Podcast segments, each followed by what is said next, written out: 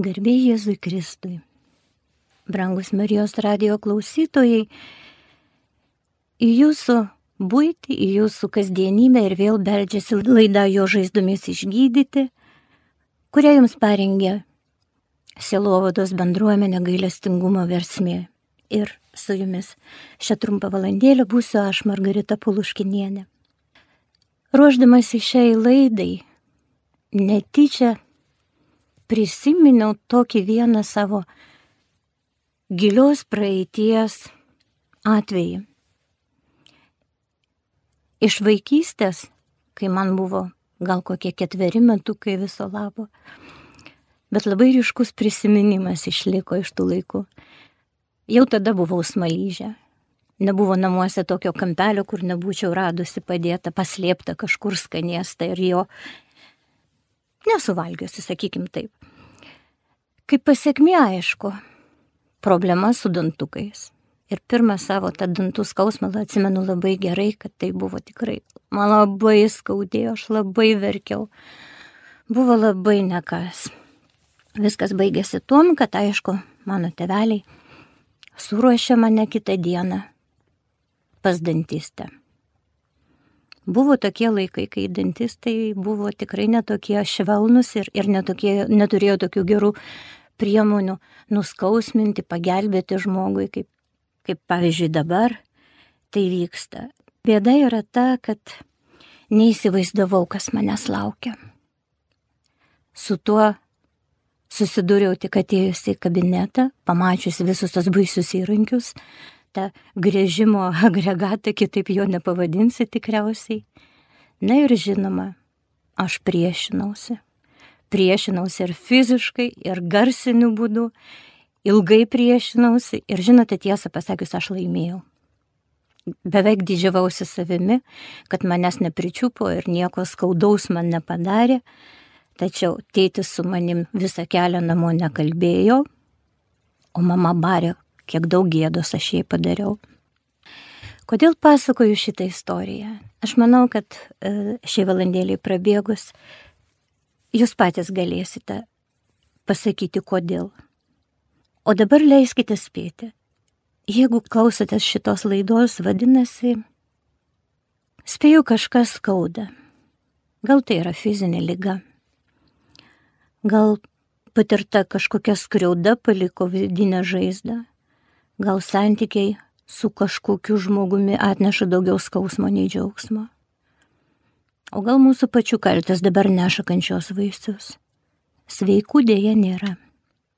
Ateiname nešini skausmų prašyti viešpatės pagydimo. Tačiau taip įvyksta ne visada. Kodėl? Iš tikrųjų, Dievas tiesa kalbės liūdėja apie save. Aš esu jūs gydantis Dievas karaliui Hezekijui, susirgusiam nepagydoma lyga, viešpat sako, aš girdėjau tavo maldą, mačiau tavo ašaras, tikėk manimi, aš tave pagydysiu. Ir Dievas kaip tikrai kaip niekas kitas žino, ko jo vaikams reikia. Tad žino tuo pačiu ir kaip mus pagydyti. Tik bėda yra ta, kad ir mes kabutėse žinome. Žinome, kaip turime būti gydomi, nu bent jau kaip nenorime būti gydomi, taip kaip aš. Šito istorijoje, kur pasakojau. Dabar įsivaizduokime, vat, kad mes aiškiname chirurgui, kaip pavyzdžiui, mums pašalinti tulžies puslę. Ar galite įsivaizduoti? Galite įsivaizduoti gydytojo reakciją, ką jis apie mus galvoja ir ko iš tikrųjų mes norime pasiekti. Ar norime būti pagydyti, ar... Kol kas paliekam tą klausimą atvirą. Iš tikrųjų, jeigu jau kreipiamės į Dievą, tai vadinasi, greičiausiai žmonės mums jau nebegalėjo padėti. Greičiausiai nebeturime kur eiti, viską išbandėme. Na, kitaip galima būtų spėti, kad atimėme iš viešpatės bent vieną būdą mums pagelbėti. Kodėl aš taip sakau? Tikriausiai visi girdėjote vieną gražų krikščionišką anegdotą. Prisipažinsiu, turiu silpnybę krikščioniškam humorui. Ir štai vienas anegdotas pasakojo, kad vieną kraštą ištiko potvinis ir vienas uolus krikščionis, daug meldėsis, daug pasnikavęs, atgailavęs, tikrai viešpati mylintis žmogus, meldžiasi, kad viešpats jį išgelbėtų. Jisgi žino, kad viešpats yra gelbėtojas, kad viešpats savųjų neapleidžia. Ir meldžiasi, kad, kad viešpats suteiktų jam pagalbą. Kaimynai jau sprunka iš namų, privažiavo prie jo vartelių, sako, žmogau, kraustikis, kartu važiuojam. Tai sako, ne mane viešpats turi išgelbėti, jis pažadėjo. Jau vanduo pakilo, pro šalį jau su valtimi žmonės plaukia, kviečia žmogų ateik, dar turime vietos valtyje. Gelbėkimės. Ne, nesako, ačiū, mane viešpats pažadėjo išgelbėti. Galiausiai semia jau visiškai tą namą, žmogutis ant stogo, laukia pagalbos, priskrenda sraigtas sparnis ir iš jo jam šaukia žmogau greitai, lipk, kabinkis dabar, numetam tau kopečias, lipk į vidų, išgelbėsim. O tas jam šaukė, ne, mane viešpats turi išgelbėti. Na kągi, taip ir nuskendo žmogus. Ateina prie viešpatės sosto ir sako, viešpatė, tai kaip tai buvo? Aš tavim taip pasitikėjau, tu juk žadėjai mane išgelbėti, tai kodėl neišgelbėjai? O viešpats jam atsako, tai neišgelbėjau, aš tau siunčiau kaimynus su mašina aš tau siunčiau žmonės su valtimi ir galiausiai straiktas sparni, bet visą mano pagalbą tu atstumiai. Tai iš tikrųjų čia tokia humoristinė forma pavaizduojama, kaip lengvai mes kartais įpuolame į Dievo gundimo duodėme ir tuo pačiu nuo jos ir nukenčiame. Ką reiškia Dievo gundimo nuodėmė? Tai yra nuodėmė, kai mes tikimės iš Dievo to, ką turėtume ir galėtume pasidaryti patys, atlikti savo dalį mūsų gyvenime. Taigi mes dažniausiai įsivaizduojame tokiu atveju, kad, na, esu krikščionis ir tai jau savaime yra toks nuopelnas, kad Dievas turi betarpiškai bėgti vos prireikus man į pagalbą. O aš dėl to galiu elgtis neišmintingai ar net pavojingai. Atkreipkim dėmesį, kaip subtiliai mes būname įmerkti į puikybę. Nu ką man tie gelbėtojai, gydytojai, vaistai, skiepai. Yra viešpats ir jis betarpiškai mane turi gydyti, gelbėti. Ir taip toliau, ir taip toliau, ir taip toliau. O tuo tarpu viešpats visiems mums padalina tam tikras pareigas turbūt mūsų gyvenime, gal galima būtų tai pasakyti. Jis išlieja savo šventąją dvasę įvairiems žmonėms ir suteikia jiems visų reikalingų dovanų, kad galėtų mums pagelbėti, patarnauti. Kitaip sakant, jis pats savoje dvasia per tuos žmonės padeda mums. Tiesiog prisiminkime pirmąjį laišką korintiečiams, kur apaštalas sako, Esame skirtingų malonės dovanų, tačiau ta pati dvasia. Esame skirtingų tarnyščių, tačiau tas pats viešpats. Ir esame skirtingų darbų, tačiau tas pats Dievas, kuris visą veikia visur kur. Kiekvienam suteikiama dvasios apraiška bendram labui.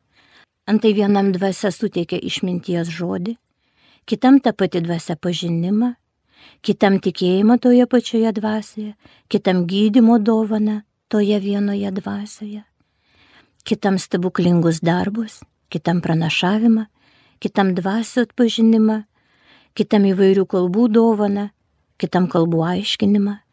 Ir visa tai veikia ta pati dvasia, kuri dalyja kiekvienam atskirai, kaip jai patinka. Jūs esate Kristaus kūnas ir atskiri jo nariai.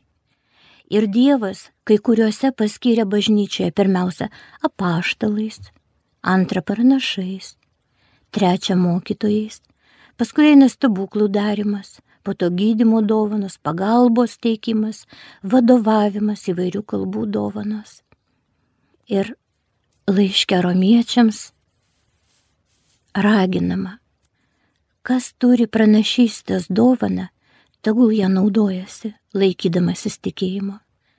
Kas dovana tarnauti, ta tarnauja.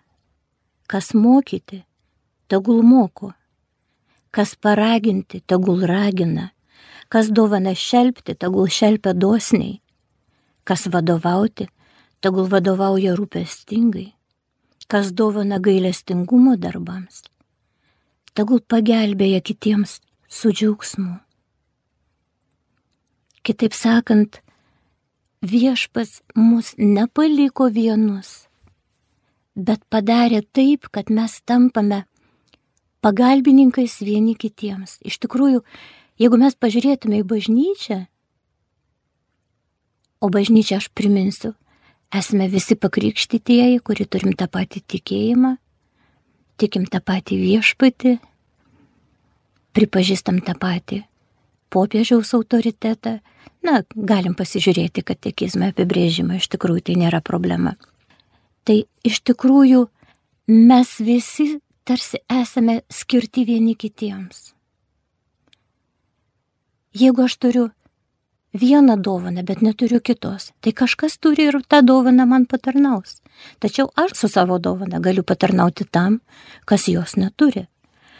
Ir iš tikrųjų kažkada teko perskaityti labai gerą, labai, sakyčiau, išmintingą frazę, kad šiais laikais Dievas žemėje neturi kitų rankų kaip mūsų rankos. Kad iš tikrųjų, kai mūsų širdis yra atviros viešpačiui, jis gali per mus patarnauti kitiems ir dažniausiai taip daro. Dar Senajame testamente Siracido knygoje viešpats sako, brangink gydytoje, nes jis tau svarbus, juk viešpats jį sukūrė, juk iš aukščiausiojo eina jo gydimo dovana. Mano vaikė, kai sergi nelūkuriuok, bet melskis viešpačiai, kuris tave išgydys.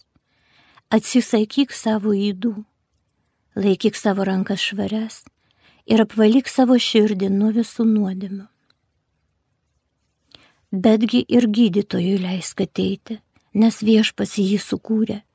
Neleiskim nuo tavęs pasitraukti, juk tau jo reikia. Būna atveju, kai išgyjimas yra gydytojo rankose, nes ir jis meldžiasi viešpačiui, kad suteiktų jam sėkmę nustatant lygą ir gydimas išgelbėtų ligonio gyvasti. Kas nusideda savo kuriejui, bus įžulus ir savo gydytojui. Taigi, kai matome viešpats šią ištrauką, parodo mums, kad išmintingumo darybės niekas dar nepanaikino. Priminsiu, kad išmintingumo darybė yra viena iš tų kardinalinių tų keturių pagrindinių, kurios sudaro žmogaus kaip asmens, kaip asmenybės stuburą. Ir šventasis raštas mums parodo tą patį išmintingiausią pusiausviros kelią - prašyti viešpaties pagalbos, bet neniekinti ir tų žmonių, kuriems viešpats skyrė būti mums pagalbininkais. Tačiau leiskite dabar paklausti, brangieji, O kaipgi dažniausiai vyksta?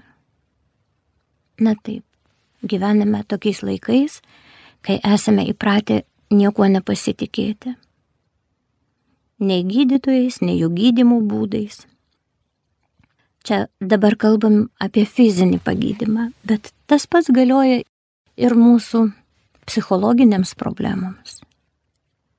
Taigi, jeigu jau nepasitikim gydytojais, bėgam pas viešpatį. Bet, bet ir jam neleidžiame mus gydyti taip, kaip jis norėtų, taip kaip jis laiko būtinu. Priminsim, kad jis mūsų sukūrė. Mes esame jo rankose. Jis pažįsta mus daug geriau negu mes patys save pažįstam. Atitinkamai žino, kaip, kaip mums pagelbėti, Taigi, jeigu neleidžiame jam gydyti mūsų, vadinasi ir juo nepasitikime.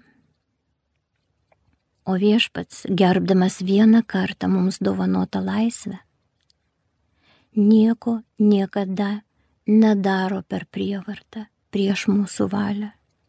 Na kągi, grįžome į pradžios tašką. Leiskite šitoje vietoje priminti, nuo ko mes pradėjome. Nuo tos situacijos pas stomatologą.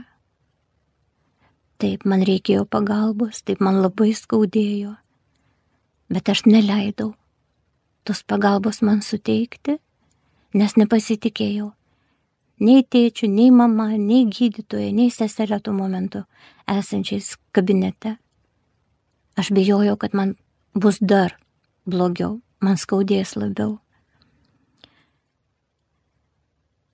Taigi, ką tokiu atveju daryti? Pirmiausia, reikėtų paklausti savęs, o kodėlgi mes nepasitikim Dievu? Na, pasitikim mes paprastai tais, kuriuos geriausiai pažįstame. Dažniausiai tai būna šeimos nariai, artimi giminės draugai. Tačiau dėja Dievas į šį sąrašą dažniausiai nepapuola. Čia galim daug visokių priežasčių įvardyti. Gal nesistengėme jo pažinti. Neturim to įpročio su juo bendrauti. Gal tas mūsų bendravimas apsiribojo tik tai prašymais. Juk kaip dažniausiai melžiamės. Viešpatė duok, viešpatė padėk, viešpatė apsaugok, viešpatė sustiprink. Aš įsivaizduoju, jeigu būčiau viešpatės vietoje, neilgai ištverčiau turbūt besiklausydama tokių maldų. Ar dažnai mes tarp tų prašymų steptelim tam, kad paklausytume jo, kad pažintume jį, kad pavestume jiem save su tuo pasitikėjimu, kurio jis vienintelis yra vertas. Bet dėja, mes žmonės pažįstame vis dėlto geriau negu viešpatė. Žmonės čia pat jie yra matomi, jie yra apčiuopiami, jie yra girdimi, jie yra suprantami mums, na ne visada gal suprantami, bet dažniausiai. Jie yra juk tokie kaip mes. Dievas yra kitoks. Jis yra kitur mes įpratę su žmonėmis bendrauti taip, na, kaip savaime suprantamas dalykas, vad kaip išeina, taip ir bendraujam. Su Dievu bendrauti jau reikia pastangų. Jau reikia, kad mūsų širdis pasistengtų. Visų pirma, kad panorėtų bendrauti. Taigi žmonės pažįstame geriau, o žmonės dėja nuvilia. Žmonės dažnai mums būna abejingi, jie turi savo reikalų. Nu, kad tu čia dabar pasakosi visas savo bėdas. Ne aš tau galiu padėti, nei tu man šnekėk. Taigi būna nejautrus. Turiu savo užsiemimų. Turi problemą, tai ir tvarkykis su ją. Kartai žmonės būna ir savanaudiški. Jie mūsų bėdas, mūsų problemas, mūsų atvirumą gali savo kažkokiems tikslams panaudoti gali piktavališkai panaudoti prieš mus. Taigi, žmonės irgi nelabai verti pasitikėjimo. Bet kadangi žmonės vis dėlto pažįstame geriau, mes automatiškai perkeliam tą mūsų patirtį su žmonėmis, perkeliame į Dievą ir įsivaizduojame, nu, bet ir Dievas toks, kaip mes dažnai sakom, ai, nelendu aš jam į akis su savo tom maldom. Nu, mano tokie menki reikalai, jis ten didesniais užsijėmės. Žinote, kas yra nuostabiausia? Nuostabiausia yra Dievo širdis. Jeigu jau sikė esame jo vaikai, tai šitam tėvui labai nuoširdžiai rūpi viskas, absoliučiai viskas, kas su mumis dedasi. Ir jau tikrai jis nepanaudos to, ką žino apie mus, tikrai nepanaudos prieš mus. Bet dėja, dėja, mes Dievą įsivaizduojame būtent tokį, kokius pažįstame žmonės. Yra daug būdų eiti į viešpatį, stengtis jį pažinti.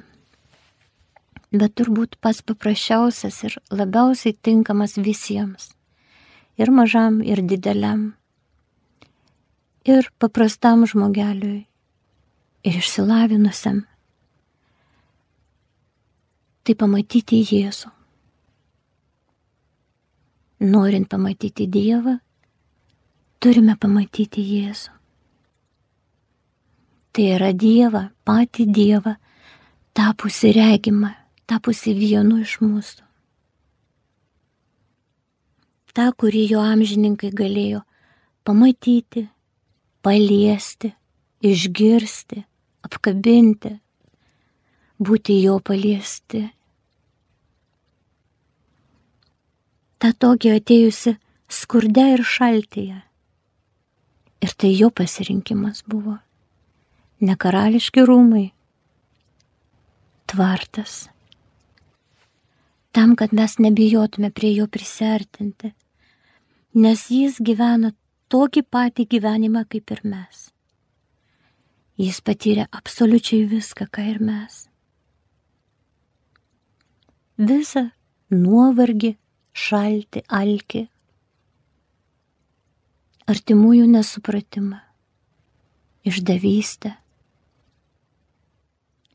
Bet visų savo gyvenimo jis liudijo ir liudija iki šiol liudija, kad Dievas nėra žmogui abejingas, kad jisai pasilenkia prie kiekvieno iš mūsų gyvenimo, prie kiekvieno iš mūsų kančios net prie mažiausio skausmo. Prisiminkime Evangelijas. Mes matome Jėzų atleidžianti nuodėmes. Kas dar gali atleisti, jeigu ne Dievas? Mes matome jį išlaisvinantį iš blogio dvasių, gydanti. Juk jis pats pasakė, nesveikiesiems reikia gydytojo, bet ligonėms ir dar pasakė nuostabius žodžius, kad žmogaus sunus atėjo ne tam, kad jam tarnautų, bet pats tarnauti atėjo. O dar prisiminkime, Jėzų atleidžianti nusidėjėliai. Ir prisiminkite, kiek kartų girdėjome iš jo žodžius. Eik, tavo tikėjimas išgelbėjo tave.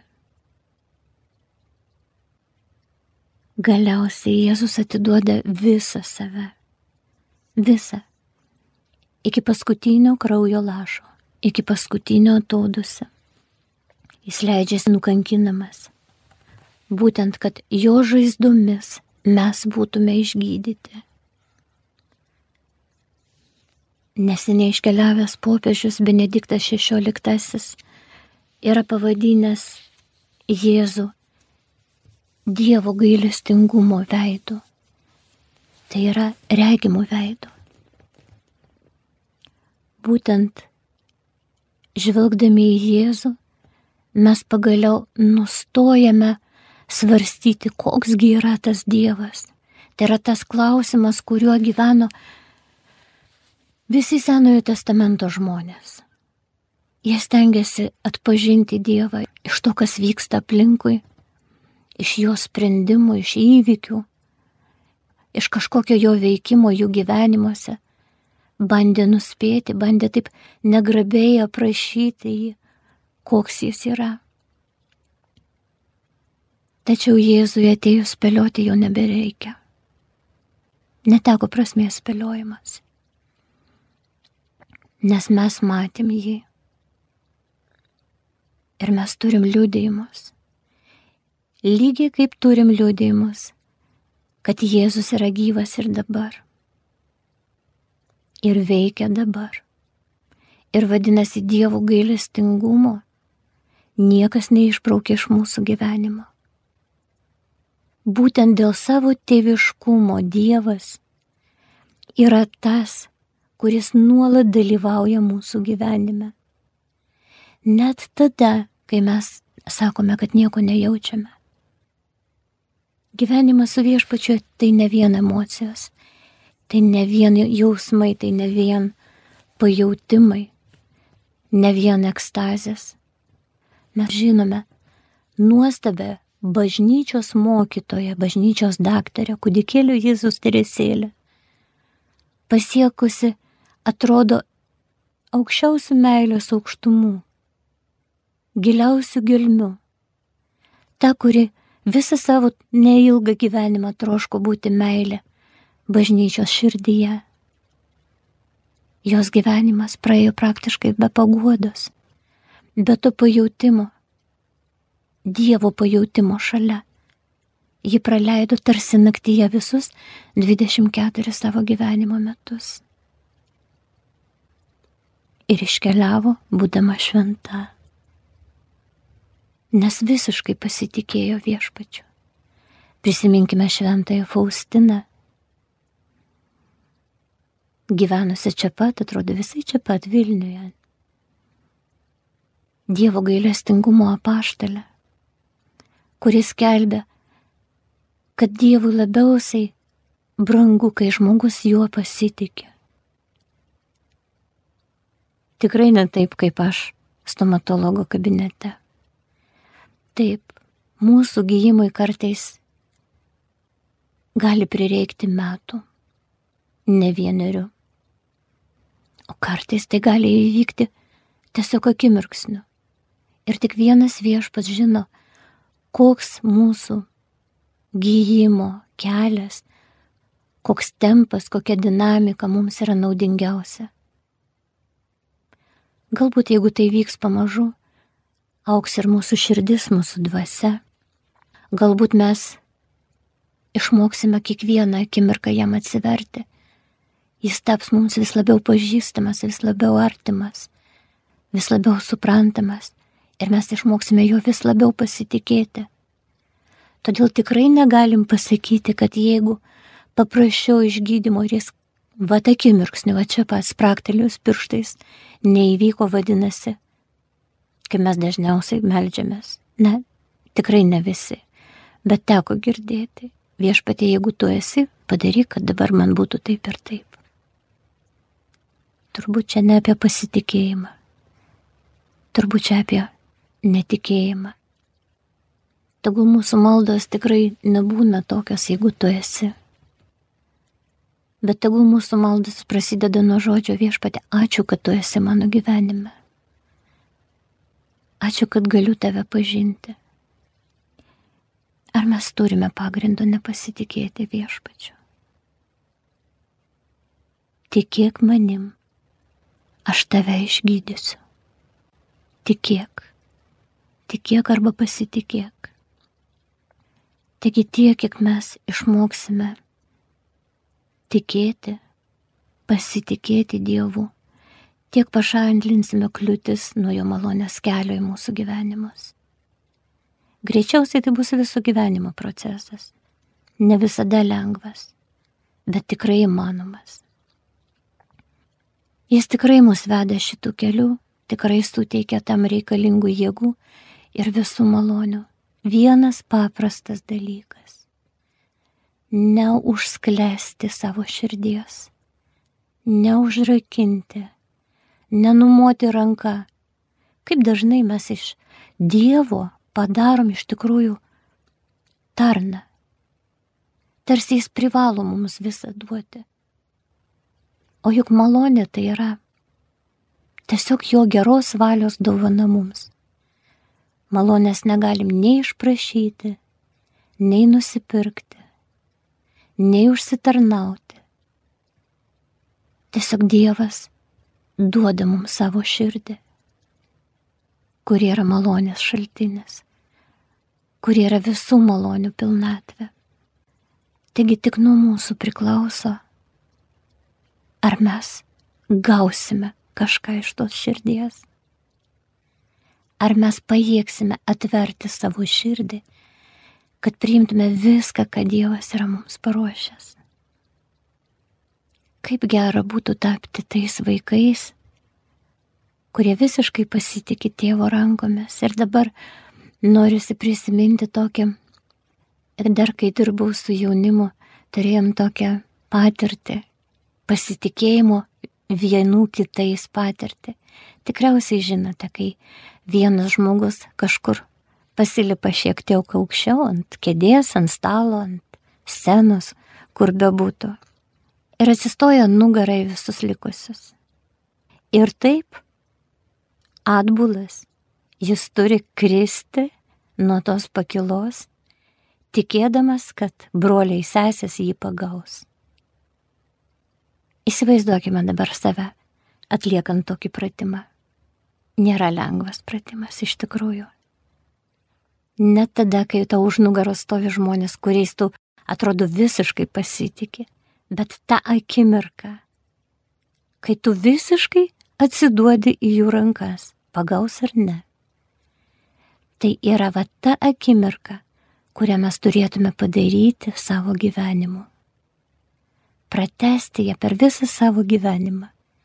Nebijoti kristi į tėvo rankas. Tvirtai žinant, kad jis pagaus. Ir niekada nedalinti jam patarimų, receptų, kaip turime būti gydyti, gydomi. Todėl dabar viešpatė, mes ateiname į tavo akivaizdą su visom savo baimėm,